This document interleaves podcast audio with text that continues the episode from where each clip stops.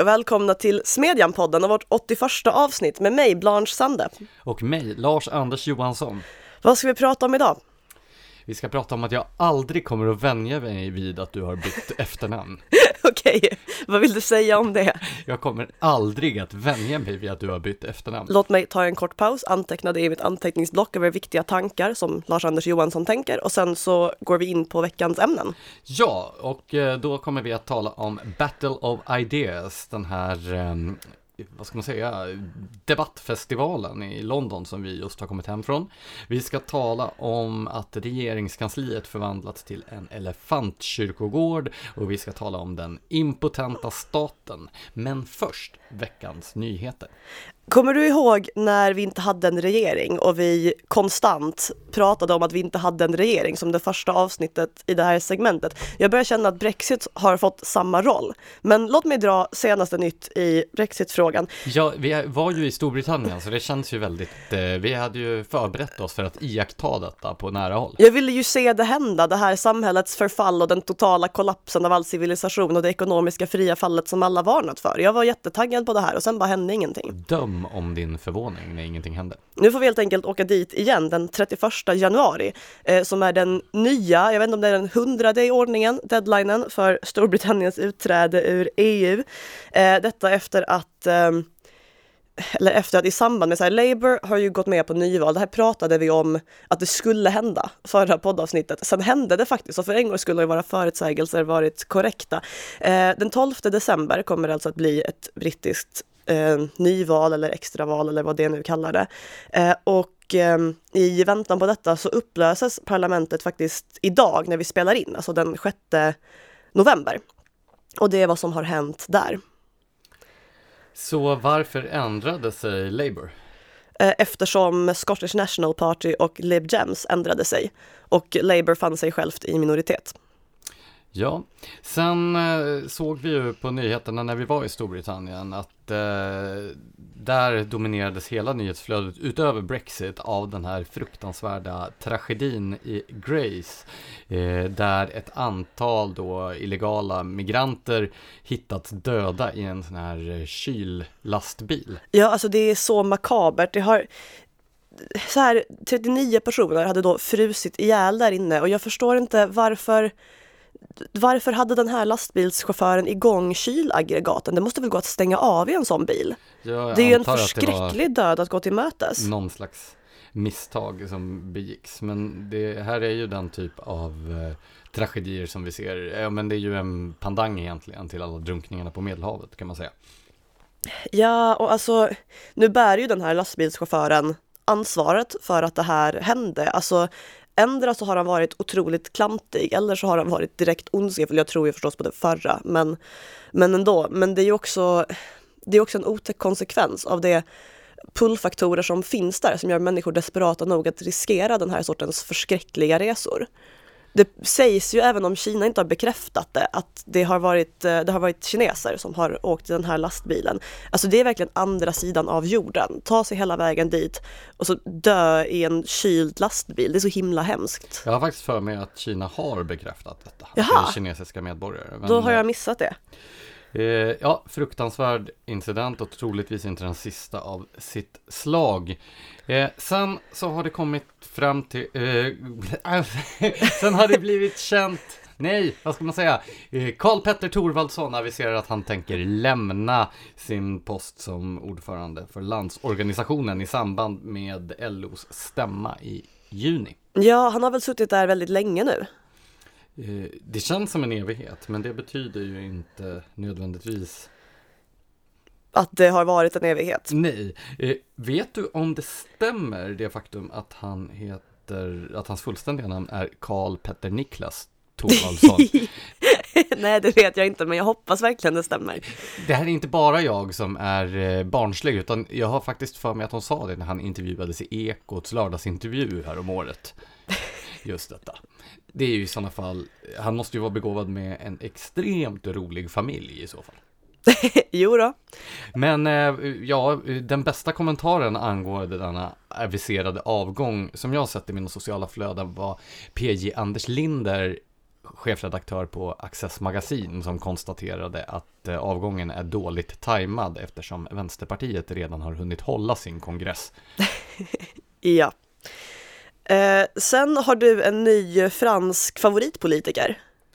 Ja, eh, det är ju eh, borgmästarval i Paris nästa år och eh, då har ehm, faktiskt En Marche splittrats i eh, två falanger eftersom då den Macron-trogna kandidaten nu utmanas av en parlamentsledamot, eller eh, en ledamot i eh, nationalförsamlingen som det heter i, i Frankrike, som även är någon slags matematiskt geni och en väldigt excentriker att döma av de bilder som finns att tillgå. Han ser ut som någon slags, ja men har du sett? Han ser eh, ut att ha en chokladfabrik i en Roald Dahl-bok. Ja, jag skulle just eh, hänvisa till, eh, det är väl Johnny Depp som spelar Willy Wonka i filmatiseringen av Kalle och chokladfabriken och det Ja. är den närmaste associationen. Nej men han ser eh, helt fantastisk ut och eh, vår kontorsgranne på, inne på Näringslivets medieinstitut, Carl Vincent Reimers.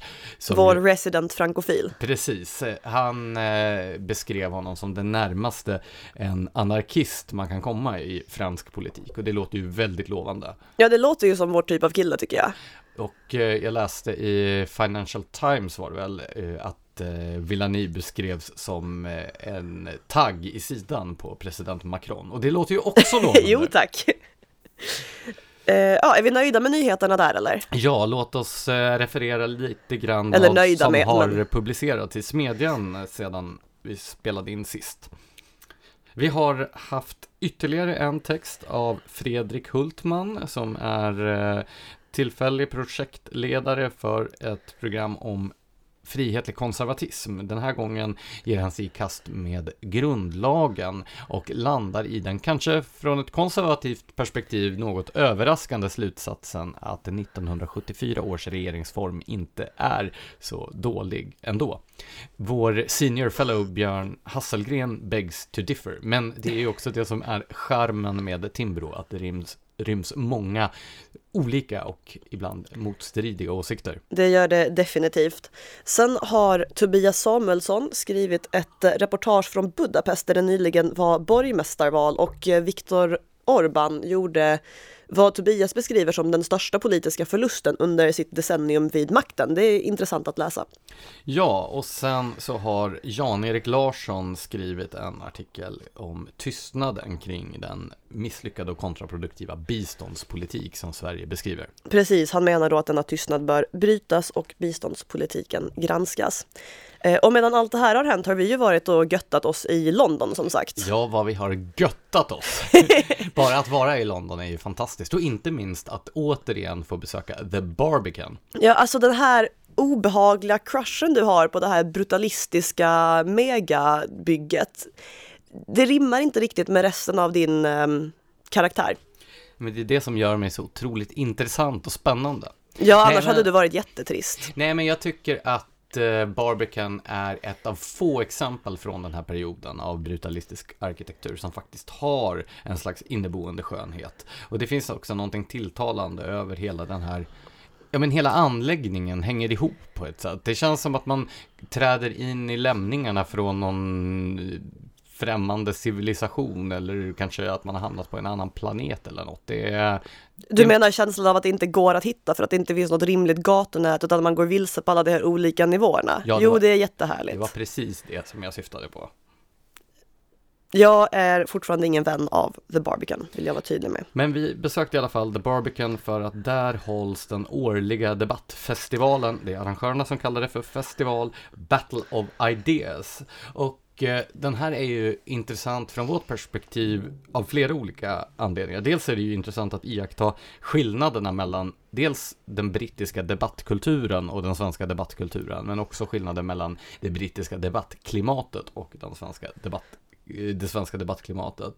Eh, Men sen är det ju också så att eh, även om Sverige i väldigt många avseenden sticker ut värderingsmässigt jämfört med alla andra länder, så tenderar vårt offentliga samtal att präglas av diskussioner som har importerats från den anglosaxiska världen. Och vill man då ligga i framkant, vilket jag har hört ska vara någonting väldigt fint, så kan man ju åka dit, lägga örat mot marken och lyssna på vad debatterar man i Storbritannien, så kan man få en fingervisning om vad debatterna kommer att handla om kommande år här hemma. Ja, det är ju precis vad vi har gjort i sammanhanget. Jag tycker det ser rätt lovande ut om det svenska debattklimatet ska svänga efter det brittiska faktiskt.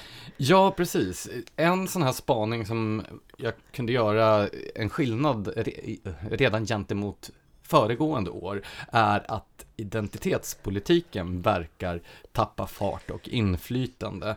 Det första seminarium som jag var på på Battle of Ideas i år Eh, behandlade begreppet white privilege, nämligen den här identitetspolitiska föreställningen om att vita människor alltid bär med sig ett slags privilegium gentemot människor med andra eh, hudfärger. Och eh, den här diskussionen, som om den hade förts i Sverige, hade omedelbart landat i slutsatsen att vita människor är privilegierade och sen är diskussionen slut. Alltså om den ens hade förts en diskussion i Sverige? Då hade, eh, den var betydligt mer nyanserad och intressant. Eh, som vanligt i den här typen av diskussioner så var det ju den då vitaste personen, om vi nu ska tala i termer av vithet, som eh, höll fast vid föreställningen om white privilege, medan alla andra nyanser, eh, nyanser på hudfärg eh, innehades av människor som ifrågasatte det här konceptet. Eh, inledningsanförande höll eh, rektorn eh, Catherine Birbalsing, är det? Burbalsing, tror jag man säger faktiskt. Hon är rektor för den här Michaela Community School. Jo, men Burbalsing är väl den engels, det engelska uttalet. Jag antar att men det här alltså kommer är... från en helt annan språkkrets. Men alltså hon är ju engelsk. Jo, men namnet är ju inte engelskt. Så vill du chansa på något märkligt annorlunda uttal så gör det, men jag tänker hålla mig till det engelska. Jag chansar. Eh, hon har ju för övrigt intervjuats i Smedjan av Isak Skogstad 2017 tror jag. Jo, jag tror det var så tidigt. Han besökte ju den här skolan hon driver som har gjort en total succé. Den bygger ju på vad svenska kommentatorer skulle kalla kadaverdisciplin, men den är ju väldigt, väldigt framgångsrik. Men hon höll då ett inledningsanförande som gick ut på att ja, eh, white privilege does exist. Och sen så höll hon en lång utläggning om alla andra privilegier som också finns. utifrån då idén om att om hon skulle återfödas eh, i en annan kropp i nästa liv så skulle hon vilja vara en, eh, en vit man. Men hon skulle också vilja vara en lång vit man som är duktig på, och så började hon räkna upp alla saker som krävdes för att man skulle vara då privilegierad och vit. Fast man vill väl hellre vara kvinna eftersom man då blir inkvoterad på alla möjliga ställen medan män blir utkvoterade. Ja, det där var ju också en poäng som gjordes sen, att i vissa sammanhang så kan det vara en fördel att tillhöra en minoritet till exempel, eller ha en annan hudfärg och så vidare.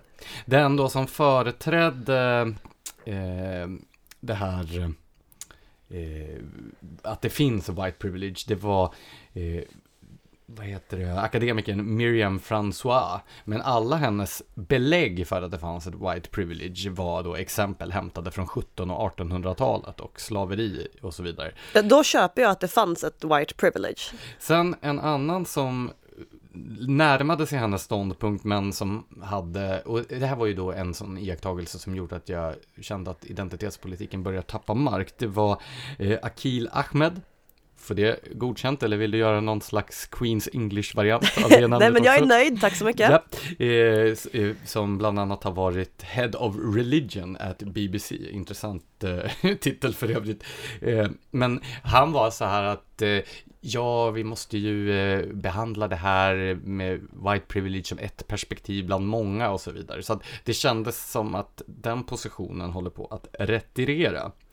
Courtney Hamilton, som var då den enda som väl egentligen kan karaktäriseras som svart i panelen, eh, ifrågasatte eh, relevansen i att 2019 överhuvudtaget kategorisera människor utifrån hudfärg och ras. Och han fick då eh, stående ovationer från en ännu svartare person i publiken som knappt kunde tygla sig utan ropade ut att precis så där är det. Alltså det är ju en väldigt, det är väldigt hög stämning på de här debatterna. Det rekommenderas för den som inte har varit där. Ja, alltså hela grejen är ju att man, det som sitter i panelen som brukar vara typ fyra personer håller varsitt eh, inledningsanförande på kanske 57 minuter och sen så går ju mikrofonen ut i publiken så att det är ju, det är inte bara frågor utan det är ju folk som du vet hur svenska seminariegubbar liksom står upp och håller långa anföranden. Det är så fast korta och intressanta anföranden. Och sen så går mikrofonen tillbaka till panelen, det kommenterar så att det blir liksom en sorts debatt mellan panelisterna och publiken. Det är ett väldigt bra format. Ja, verkligen. Eh, och och eh, en annan sak som stärkte min känsla av att identitetspolitiken är på väg att backa, det var ju att den här obligatoriska identitetspolitiska mobben som alltid dyker upp i publiken på alla diskussioner som handlar om frågor som rör identitet, den var både mindre och aggressivare i år än förra året. Det vill säga det var färre personer, men de klappade ännu hårdare i händerna när någon av deras kompisar då ställde sig upp och skrek att eh, de, det var synd om dem. Ja, alltså jag har ju en teori om var den stora gruppen arga personer som agerar så i publiken har tagit vägen.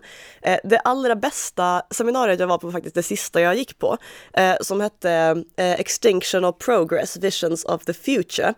Eh, det, alltså det var bisarrt. Det började med att en så här gammal skröplig forskare satt där och bara vi måste rationellt minska jordens befolkning med 2,5 miljarder människor, äta mindre och från och med nu lämna alla fossila bränslen kvar i marken. Eh, och det här såg han alltså inte som en mörk dystopi utan som en så bra positiv väg framåt.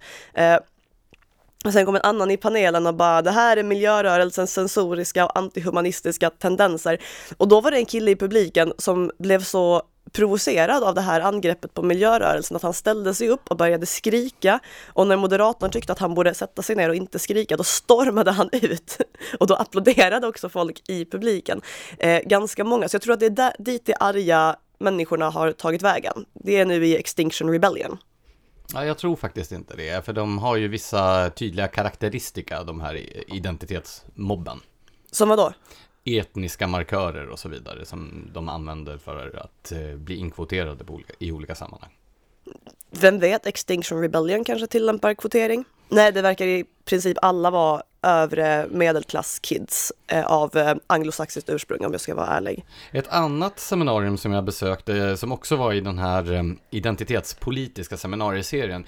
det är ju upplagt så, Battle of Ideas, att man har, det är två dagar och det är ganska stort antal scener och på varje scen så är det en serie seminarium inom ett övergripande tema och då var på lördagen så hade man en scen för identitetspolitiska debatter. Där hölls också en debatt under rubriken From Peterson to Incels, Is there a generation of lost boys? Och där höll en Elisabeth Hobson, eh, Director of Communications at Justice for men and boys and the women who loves them. Det där är inte den mest catchy titeln. Nej, men hon var ganska catchy och framförallt, alltså, hon eh, hennes apparition var liksom den här eh, sinnebilden av en arg feminist och sen så hade hon på sig en t-shirt där det stod This is what an anti-feminist looks like. Och hon höll då ett inledningsanförande som var ett slags brandtal mot feminismen som ideologi och rörelse och så vidare. Där hon menade att den eh, bara eh, syftar till att gynna kvinnor på mäns bekostnad och så vidare. Det var ett brandtal som fick eh, Per Ström att framstå som en väldigt liksom, mittenorienterad person. Ett brandtal som jag har faktiskt svårt att föreställa mig skulle hållas, i, ja men Kulturhuset här i Stockholm har ju eh, sin egen version av Battle of Ideas till exempel. Jag tror inte att Elizabeth Hobson hade släppts in där. Men eh, eh, det var fler intressanta, till exempel då författarinnan och feministen Rebecca Reid som väl intog en motsatt ståndpunkt till Hobson, men som till skillnad från många, framförallt i Sverige, identitetsaktivister hade både humor och självdistans och visade respekt för sina meningsmotståndare. Så att det, var, det var en väldigt givande diskussion. Själv så fascinerades jag dock mest av sociologidoktorn Jan McVarish, som eh, bland annat eh, liknade Jordan B. Peterson, som hon inte gillade, vid Greta Thunberg. Oj, vad, vad var den gemensamma nämnaren? Ja, hon sa det att, nej men jag känner samma sak när jag ser Jordan B. Peterson som när jag ser Greta Thunberg. I don't get it. Vad är det andra människor ser hos de här personerna som jag finner helt ointressanta? Nej men jag känner faktiskt igen mig i det där, alltså var ingen av dem Alltså jag fattar inte riktigt den här inspirerande kraften som finns i dem. Sen hon, Jan McVarish var också intressant för att det, jag ska inte säga att det hettade till, men det blev väldigt intens ett tag där när det var två i publiken som reste sig upp efter varandra. Den första var en ung kvinna som eh, då var väldigt upprörd över den här incel-kulturen och hon hade då varit tillsammans med en man som hon menade tillhörde den där eh, subkulturen. Och, eh, Men vänta, inte poängen med incels att det är singlar ofrivilligt? Och han kanske hade varit det fram till de blev till... Jag vet inte. Hon såg honom som en representant för den rörelsen. Jag har ingen ytterligare insikt i deras samliv än det som hon delgav oss okej, som närvarade vid det seminariet. Men eh, han hade ju då varit väldigt... Eh, Ja, nu, nu känner jag mig, du vet, som hockeyspelare som åker till NHL och sen kan, har de glömt bort hur man pratar svenska. jag har faktiskt ingen aning om vad den referensen ska säga mig. Nej, som tur är förklarade jag vad den handlade om. Är de åker till USA och glömmer bort hur man pratar svenska. Och nu har jag glömt bort, vad, hur säger man abusive? Eh, nu känner jag mig som en hockeyspelare som har åkt till NFL. Nej men ja, eh, NHL. Fine. Eller, eller kanske, nej, förlåt. Eh, I alla fall, den här eh, pojkvännen hade i alla fall inte varit någon särskilt bra pojkvän och nu gick hon i terapi för detta och mådde fruktansvärt dåligt. Och eh, därför så menade hon att det, slutsatsen var, det är inte kvinnors ansvar att rädda de här männen. Därefter, omedelbart därefter, så ställer sig en eh, ung kille med rastaflätor upp och säger att jag är en incel. Säg inte att det var hennes ex. Nej, det var det inte. Det hade varit jätteroligt. Nej, det hade varit fruktansvärt faktiskt. Eh, Men han ställer sig upp och bara, jag är en incel och jag har blivit förtryckt av kvinnor i hela mitt liv. Och det var verkligen så höll han ett liksom, eget brandtal om liksom, vilken fruktansvärd situation han befann sig i och så vidare. Och då sitter vi alla där i publiken och det är liksom så här tyst och väldigt konstig stämning. För jag menar, det här var ju två tragiska människoöden. Ingen tvivlade ju på att båda de här personerna mådde väldigt dåligt av vad de utsatts för av andra personer. Men då, den här sociologidoktorn eh, Jan McVarish, hon eh, drog ju en helt annan slutsats. Hon frågade de här att varför kommer ni hit och delar med er av era personliga tragedier? Vad menar ni att vi andra människor ska göra med den här kunskapen? Det här är ingen bevisföring för någonting. Om vi försöker att generalisera utifrån två enskilda exempel och försöka göra politik av det, ja men då har vi ju eh, flyttat era upplevelser till någon slags abstraktionsnivå som gör att era upplevelser inte tas på allvar överhuvudtaget. Och om vi istället inte ska försöka göra det här till en abstrakt diskussion om politik och samhälle och kultur och så vidare, vad ska vi då göra med er personliga tragedi? Det är mycket bättre att ni tar tag i era liv och går vidare. Om ett år kommer ni att ha glömt den här situationen där ni befinner er idag. Det var ju lite harsh. Kan Men du alltså- föreställa dig en svensk Nej. sociologidoktor säga detta? Nej, det kan jag inte. Men vad jag tror det där handlar om, alltså det här att dela med sig av personliga anekdoter, det är inte helt givet vad någon annan ska få ut av det eller ta med sig ifrån det. Jag tror helt enkelt handlar om att det är ett praktiskt sätt, framför allt i ett identitetspolitiskt tidevarv, att legitimera sin egen ståndpunkt. Ja, så är det ju hela tiden. Det märker man den här mobban av identitetsaktivister som alltid sitter i klump och som skriker och eh, tjoar högljutt när någon av deras företrädare eh, säger någonting. De argumenterar ju alltid utifrån personliga anekdoter. Ja, det är alltid den här as a woman eller som en eh, rasifierad person eller alltså det, säg, det säger ju aldrig bara att jag tycker det här utan jag tycker det här i egenskap av mina identitetspolitiska markörer. Ja, och även då akademiker som företräder deras perspektiv, som den här Courtney Hamilton i den första panelen, de hänvisar ju till då att människor uppger att de har blivit diskriminerade, uppger, känner att de har blivit utsatta för rasism. Och det var ju en typ av argumentation som eh, Catherine Burbelsing eh, sköt ner just eh, utifrån detta att, ja men, hur kan vi utgå ifrån att bara för att någon uppger att de känner sig utsatta för rasism, att det stämmer. Man måste ju i varje enskilt fall då eh, fråga sig, men vem är det som säger det här? Är det en person som säger att allting är rasism hela tiden? Ja, men då kanske det är svårare att ta det på allvar i ett enskilt fall. Men är det en person som väldigt sällan använder sig av den typen av anklagelser, ja men då kanske det är större sannolikhet att det ligger någonting i det. Men alltså det här att upplevelsen av att känna sig hatad eller förtryckt eller så spelar så stor roll. Det har ju gått så mycket längre i England än i Sverige, på tal om så här att trender kommer hit sen och att det kanske inte ser riktigt lika ljust ut. Jag var ju på ett annat väldigt bra seminarium som hette 70 years after Orwells 1984, Who Polices Language. Och eh, där var det, det var en rätt balanserad panel om man räknar bort att hälften hade varit sjuk eller inte kunnat komma dit.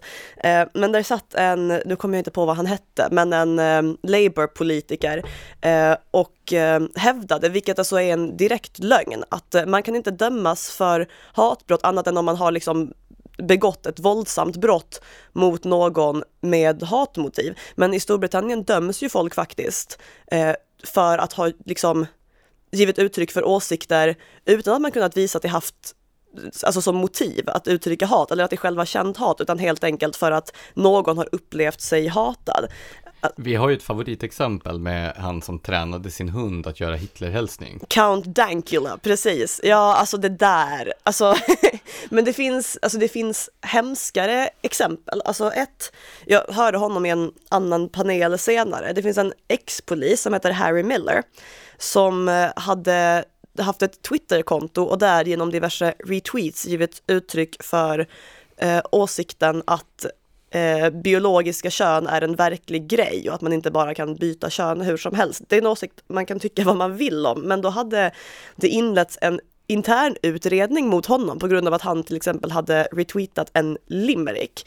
Eh, och när han frågade dem om han hade begått ett brott så sa de att nej, det har du egentligen inte gjort, men we need to check your thinking. Alltså på tal om 70 år efter 1984, nu händer det typ.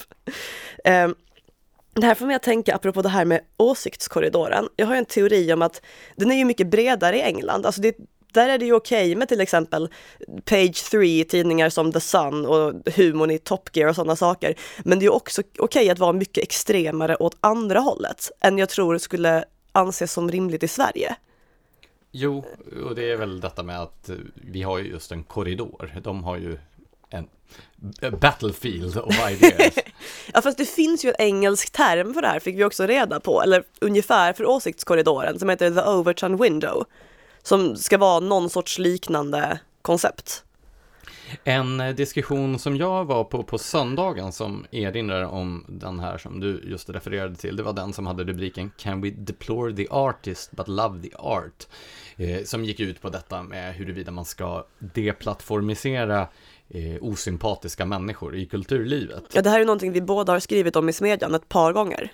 Ja, och den ståndpunkten, alltså inte vår ståndpunkt utan den som eh, att man ska deplattformisera folk, den eh, den framfördes av eh, social media strategist Eh, Krista Blackmon, eh, som ju förde en argumentation om att ja, men om man tycker att någon är ett svin så ska man inte eh, lägga sina pengar på att stödja den. Och det kan man ju tycka. Problemet är ju att hon sen argumenterar för att företag ska ta bort då eh, skådespelare från liksom då streamingtjänster och att man inte ska boka in artister som är osympatiska. Men hon fick ju då mothugg från då bland annat Andrew Doyle som är komiker. Ja, det är han som har skapat den här eh, Twitter-karaktären Titania McGrath som är en så här bizarr extrem identitetsfeminist typ. Ja, och han var fantastisk att lyssna på. Han argumenterade för, alltså han intog ju en rakt motsatt ståndpunkt. Inte bara det här att vi måste tolerera eh, osympatiska personer i kulturlivet, utan han menade att eh, konstnärer generellt är Eh, störda människor med tveksamma moraluppfattningar. Och att det måste vara så eftersom det är det som gör att deras konst blir intressant. Han menade att nej, men man kan inte alltid skilja konstnären från verket, men det betyder inte att man måste göra sig av med verket, utan tvärtom så har många av eh, kulturhistoriens viktigaste verk som ger människor jättemycket skapats av extremt osympatiska individer. Men det där är ju sant, alltså det måste ju ofta finnas någon sorts mörker i olika typer av konst för att den ska vara riktigt bra. Eller alltså bara en sån sak som, och det här är ju förstås ett sorgligt faktum, men tänk på hur många bra band som sen slutade knarka och blev jättedåliga. Alltså bara det är ju ett tecken på att han har en poäng. Ja, och ofta är ju konst i bred bemärkelse, alltså även litteratur och musik, ett sätt för oss att från insidan få en förståelse av företeelser som inte är bekanta med. Alltså, därför finns det ju en relevans i att veta hur personer som kommer inifrån en kriminell gängmiljö eller våldsverkare eller liksom alla möjliga typer av personer hur deras perspektiv ter sig och det kan man bara få genom konsten och litteraturen. Ja, där är ju den här identitetspolitiska idén så otroligt destruktiv, det här att man bara ska kunna identifiera sig med personer eller företeelser eller så i den breda konstnärliga världen som man delar en massa egenskaper med. För poängen med konst har just varit att den gjort det möjligt för personer att sätta sig in i hur radikalt andra människor ser världen eller tänker eller upplever saker. Och så här, ju mer man lär folk att det bara ska kunna känna igen sig i andra, till exempel vita kvinnor ur medelklassen, desto mindre kommer ju den här fun viktiga funktionen konsten har att finnas kvar på sikt. Precis så, och vilken fruktansvärt tråkig kultur vi skulle ha om det bara skulle vara en moraliserande eh, konst som skapades av moraliskt högstående personer som aldrig gjort en fluga för när. Ja men jämför hårdrock och kristen rock. Det finns kristen hårdrock. Och den är hur bra?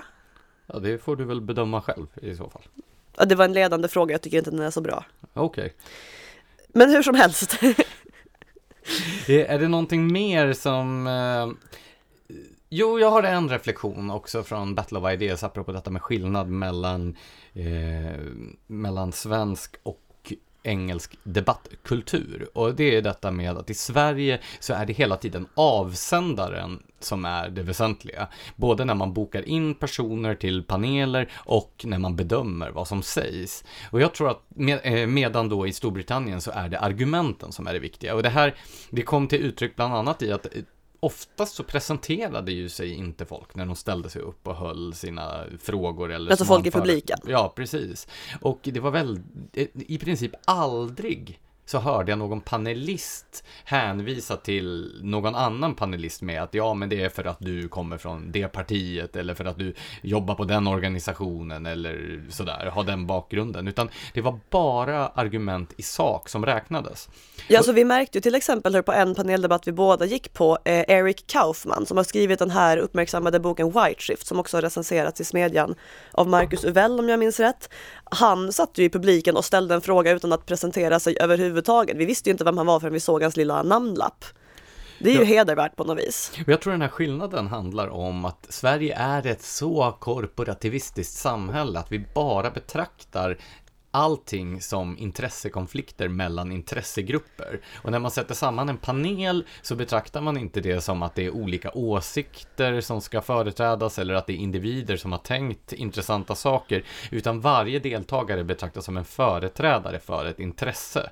Och det här får ju också till konsekvens att man lyssnar inte ens på i Sverige vad personen säger eftersom man redan på förhand har bestämt sig för vilket intresse man själv då sidar med. Så därför så eh, behöver vi egentligen inga debatter i Sverige eftersom vi redan vet. Skyttegravarna är redan grävda, stridslinjerna är redan uppdragna. Och det är därför man måste åka till Battle of Ideas istället. Ja, verkligen. Jag såg ju att ett flertal representanter från eh, den svenska tykonomin var där, bland annat då personer från Kulturhuset i Stockholm. Så jag, man kan väl hoppas att de tar med sig de här positiva erfarenheterna. Så kan vi kanske få en lite bredare debatt även i Sverige. Låt oss hoppas. Du har skrivit om regeringskansliet och eh, dess eh, tendens att utvecklas till en elefantkyrkogård. Ja, alltså vad jag förstår så är det här inte någonting som bara har hänt utan någonting som är aktivt satt i system. Men alltså en elefantkyrkogård, det, det påstås ju att elefanter går till specifika platser för att dö. Vad jag förstått efter en väldigt, väldigt snabb googling är det en myt. Men elefantkyrkogård är också någonting man kallar regeringskansliet. Det är nämligen där avsatta myndighetschefer eh, skickas för att sitta och hämta ut saftiga lönekuvert. Eh, Ibland för att göra ingenting alls, ibland för att göra någonting som man kanske skulle kunna argumentera för har någon sorts vikt. Men idén med det här att även det som liksom får sparken på grund av olika typer av tjänstefel fortfarande ska kunna uppbära sin jättesaftiga lön är att skapa någon sorts extrem form av anställningstrygghet för dem för att garantera någon sorts oberoende, antar jag att man tänker sig. Ehm, så vanligen brukar det, när det hamnar på regeringskansliet, tilldelas olika uppdrag i statliga utredningar. Just nu så sitter det däremot, har det rapporterats en del om de senaste dagarna, tre stycken personer på regeringskansliet med titeln generaldirektör och väldigt schysst lön som inte gör någonting alls. Eh, och som sagt skiftar ju orsakerna till att dessa före detta myndighetschefer har lämnat sina tidigare jobb. Ett exempel är Torsten Håkansta som lämnade generaldirektörsjobbet på E-hälsomyndigheten när den flyttade till Kalmar. Det här är ju en grej regeringen har haft på G ett tag som vi också har pratat om i podden, att man tar små myndigheter och flyttar ut dem på olika ställen i landet för att se ut att skapa jobb med konsekvensen att de personer som arbetat på myndigheterna inte vill flytta med och så har det svårt att hitta nya personer att anställa. Um, en annan som kanske har lite värre skäl att lämna jobbet är Håkan Wåhlstedt som först var partisekreterare för Miljöpartiet och sen blev landshövding i Västmanland. Där fick han sluta efter att ha stulit vin från representationsförrådet. Och enligt... Hatar när det händer. jo då. Eh, och enligt VLT har han också uppträtt berusad offentligt och enligt landshövdingskollegor varit helt olämplig för uppdraget. Det låter ju som en kul typ i alla fall. Jo, jag hade, man hade säkert gärna tagit en, ett glas vin med honom, men kanske inte ett professionellt landshövdingssammanhang. Han är i alla fall sedan fyra år generaldirektör på regeringskansliet och tjänar 93 000 kronor i månaden. Det är en skyhög månadslön men ganska liten i sammanhanget faktiskt. Eh, han är särskild utredare i utredningen om minskad övergödning genom stärkt lokalt åtgärdsarbete, vilket alltså på fullt allvar är en utredning som pågår just nu. Eh, andra njuter av riktiga sinekurer och arbetar bokstavligt talat inte alls. Um, jag uppmärksammades först på det här för någon månad sedan drygt när Alltinget rapporterade att två av åtta generaldirektörer på regeringskansliet inte hade några arbetsuppgifter. Det ena var den här Håkansta jag nämnde som tjänar 106 100 kronor i månaden, vilket alltså du och jag finansierar. Eh, den andra är Ulla Sandborg som tjänar 123 900 kronor i månaden.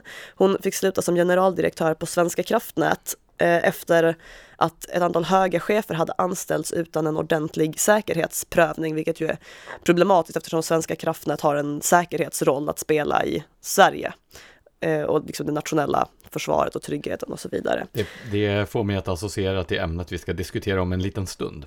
Yes, Uh, nu sitter hon i alla fall på sekretariatet för verksamhetsstyrning och samordning på infrastrukturdepartementet. Alltså jag fattar inte att de här sakerna existerar och finansieras av oss. Men där sitter hon i alla fall och gör ingenting. Det har hon alltså själv medgivit när SvD intervjuade henne och hon ordagrant sa jag gör ingenting just nu utan det går diskussioner kring vad jag ska göra och det har det gjort ett tag.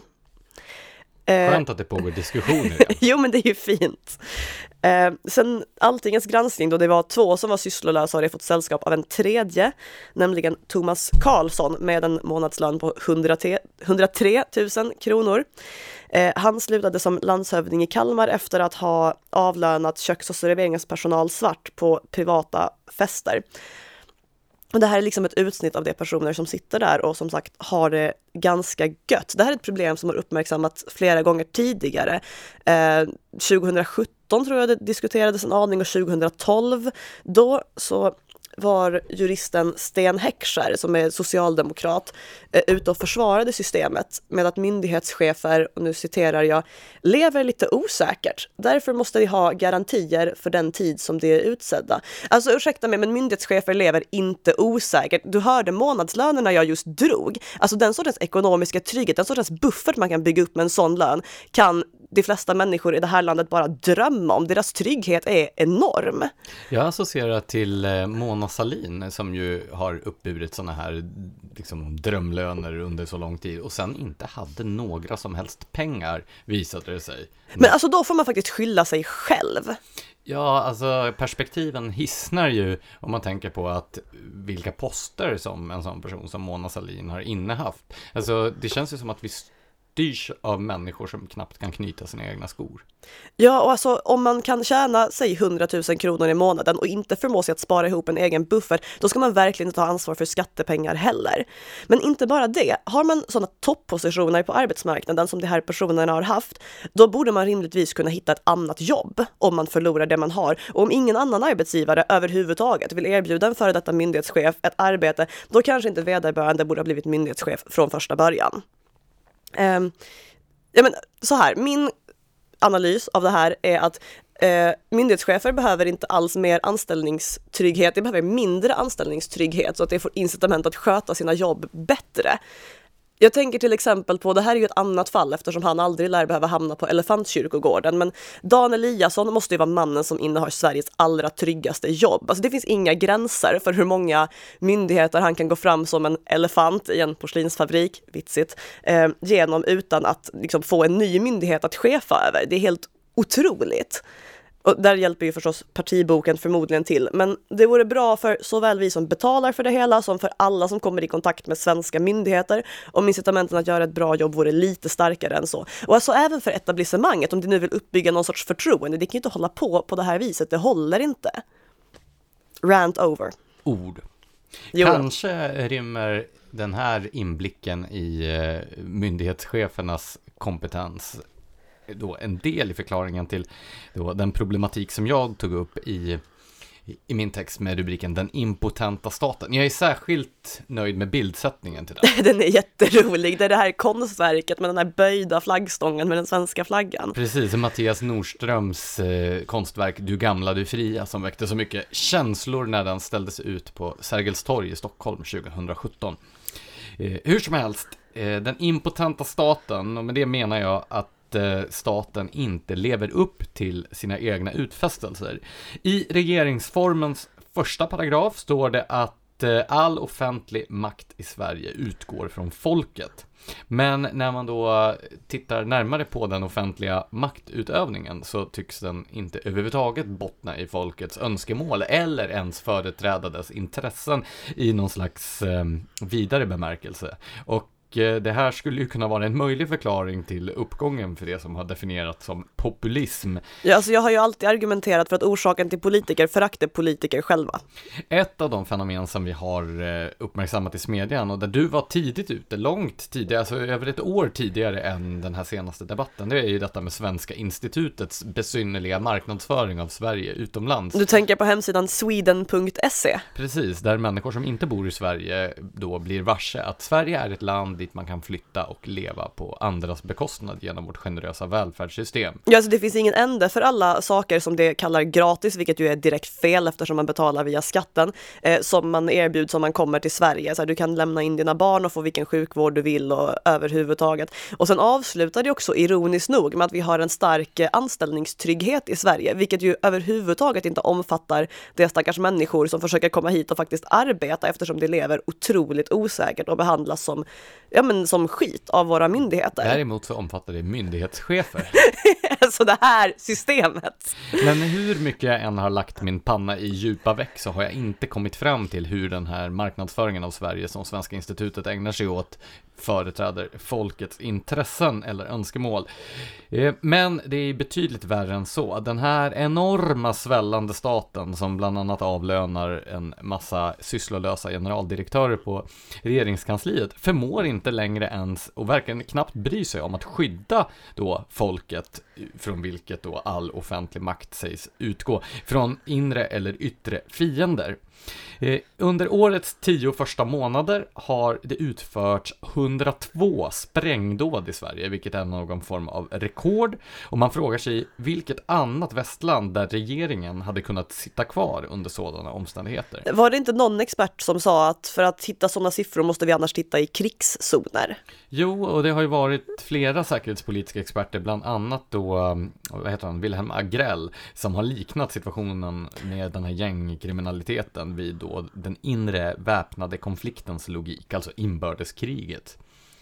Eh, men det här har inte utmynnat i mer än då partipolitiska överläggningar från vilka det inte har hört särskilt mycket. Det är inte så att presskonferenserna hålls lika ofta som sprängdåden. Eh, de enda som verkar gynnas av de här partipolitiska överläggningarna är de som då inte är inbjudna till samtalen, nämligen Sverigedemokraterna. Sverigedemokraterna är som vanligt svensk politik uteslutna från samtalen, vilket gör att partiet i fråga är de enda som med fog kan hävda att de inte bör, bär någon form av ansvar för den förda politiken. Ja men alltså ska man nu vara partipolitiskt strategisk, ge Sverigedemokraterna ansvar för att åtgärda det här så kan man sen hävda att det är lika mycket deras fel som alla andra. Nu kan ju det sitta där och njuta av att alla andra bär ansvaret och inte det själva. Det är liksom den sämsta sortens uteslutningsstrategi man kan tänka sig. Men som om inte allt detta vore nog så har ju nu då de här imamerna och andra personer, det är sex herrar, som Säkerhetspolisen har bedömt som ett hot mot rikets säkerhet och eh, regeringen har beslutat att man ska dra tillbaka deras permanenta uppehållstillstånd och utvisa dem. De har nu då fått stanna kvar och inte nog med det, de har också släppts på fri fot så att de kan fortsätta med den verksamhet som Säkerhetspolisen bedömer som ett, jag upprepar, hot mot rikets säkerhet. Det här låter som en alldeles lysande idé. Vad är bakgrunden? Eh, Men det handlar bland annat då om imamen vid moskén i Gävle, Abu Rad, som uppmärksammats i bland annat en stor granskning i Gävle Dagblad härom året som är då en så kallad hatpredikant som har byggt upp en subkultur av människor som hatar då vårt samhälle, vår civilisation och alla våra värderingar och allting som vi står för. Eh, och hans son då som dömdes för att ha mordhotat chefredaktören på Gävle Dagblad för den här granskningen. Aburad och hans son och ett antal andra sådana här imamer med en eh, agenda mot hela vår civilisation. De kan nu fortsätta att agitera och bygga upp då en eh, subkulturell miljö som dessutom i viss utsträckning finansieras med svenska skattemedel för då att kasta hela vår civilisation över ända. Och detta då eftersom de inte får utvisas eftersom det bedöms för farligt för dem att återvända till sina hemländer. Men alltså ursäkta franskan, men vem fan bryr sig? Alltså för att man ska ha diverse mänskliga rättigheter, vilket jag ju tycker man ska ha, då måste man liksom respektera andras. Alltså det finns så stora delar av vårt rättssystem som bygger på det här. Till exempel om du inte respekterar andras rätt till, jag vet inte, så här, liv och egendom så förlorar du din rörelsefrihet genom att sättas i fängelse. Om du inte respekterar andras rätt till säkerhet och trygghet, varför ska vi då lägga så mycket energi att ta sådana risker som Sverige gör genom att släppa dem fria för att deras säkerhet går före. Alltså, var kommer de här prioriteringarna ifrån? Det är helt orimliga. Eh, men alltså i grund och botten så handlar det ju om att man värnar om individens rättssäkerhet och det är ju väldigt bra. Men Säpo påpekade den här typen av problematik kring lagen om särskild utlänningskontroll redan 2017, att det kunde uppstå den här typen av situationer när lagen var utformad så som den är. Men den sittande regeringen har aktivt underlåtit att ta tag i det.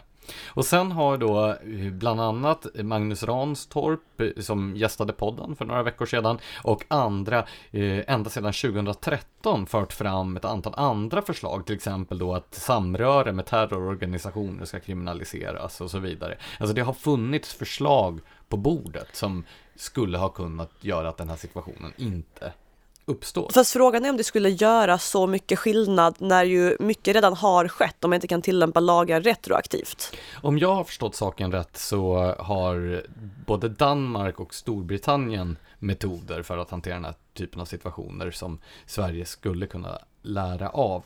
Eh, jag vet också att Magnus Ranstorp skrev en artikel i Göteborgs-Posten i veckan där han är kritisk mot regeringen och föreslår olika typer av åtgärder. Men det är ju otroligt provocerande att se då de här, ja men Sveriges Televisions inslag då från Gävle moskén med rubriken Kramkalas när då den här terrorimamen får återvända till sina proselyter. Kolla vad den gulliga hatpredikanten och hur mysigt det är när alltså nej men alltså SVT. Ja, men, ja, nu är det ju inte de som är det stora problemet här, men men det är ju väldigt provocerande och om man undrar varifrån då myndighetsförakt och populism och politikerförakt och så vidare härrör så kan man ju börja med att eh, reflektera kring en stat som hellre skyddar sina fiender än sina medborgare. Den impotenta staten. Exakt så. Eh, det börjar bli dags att avrunda det här poddavsnittet, så låt oss gå in på veckans lyssnarkommentarer. Ja, precis. Vi har fått en kommentar på, var det din text förra veckan? Precis, om eh, förslaget att reglera och eh, vad heter det, licens Nej men vad säger man? Att, att ha, införa licensplikt på vapenmagasin. Det är en Mattias Fridsén som har skrivit så här. Att reglera magasin är inte mer absurt än att reglera vapen överhuvudtaget. Om inte min poäng framgår så menar jag att det är fullkomligt absurt och tyranniskt att reglera vapen överhuvudtaget. Har man börjat bryta mot principen om individens rätt att försvara sig själv anser jag inte att det är mer absurt att börja reglera små plast eller aluminiumlådor. Det är naturligtvis en hedervärd principiell ståndpunkt som Mattias Fridsén framför här. Men eh, jag måste ändå säga att även de små regleringarna, de små stegens tyranni behöver bemötas i vardagen. Det finns ju, eh, när man arbetar med opinionsbildning, långsiktiga och kortsiktiga eh, typer av debatter att ta. Eh, på Timbro och Smedjan så försöker vi att balansera de här mot varandra. Vi för långsiktiga debatter som rör individens principiella fri och rättigheter som handlar om eh, äganderätt och så vidare, rätten till självförsvar. Men så finns det ju också de dagliga sakfrågorna där friheten inskränks steg för steg, där man också måste vara på sin vakt. Och här har vi ju ett typiskt exempel på där människor i sin vardag kommer att drabbas av en reglering som kan, ja, vi talade ju om det i förra poddavsnittet, hur då helt laglydiga jägare och sportskyttar kan bli eh, funna skyldiga till vapenbrott bara för att de råkar ha ett magasin som de köpt helt lagligt men som plötsligt då har blivit olagligt eftersom det är för stort för att användas för den verksamhet, till exempel jakt som deras vapenlicens är avsedd för. Ja, så här i sammanhanget måste vi också nämna att det är väldigt svårt att bli av med repressiva regleringar när det väl har införts. Den bästa chansen att skydda människor mot den sortens saker har man innan det införs. Det vill säga så här, det finns diverse vapenregleringar idag som jag principiellt vänder mig väldigt mycket emot, men det är redan införda och då måste man ägna sig åt långsiktig strävsam opinionsbildning. När det gäller förslag som ligger på bordet om att göra regleringarna ännu värre, då är det dem man i första hand måste kämpa emot här och nu. Precis så. Bra! Och med de orden vill vi rekommendera er alla att följa oss på Twitter, på Facebook, prenumerera på vårt nyhetsbrev och läsa alla våra skarpsinniga, djuplodande och väldigt intressanta artiklar på www.timbro.se smedjan. Tack för att ni har lyssnat. Ha en trevlig helg!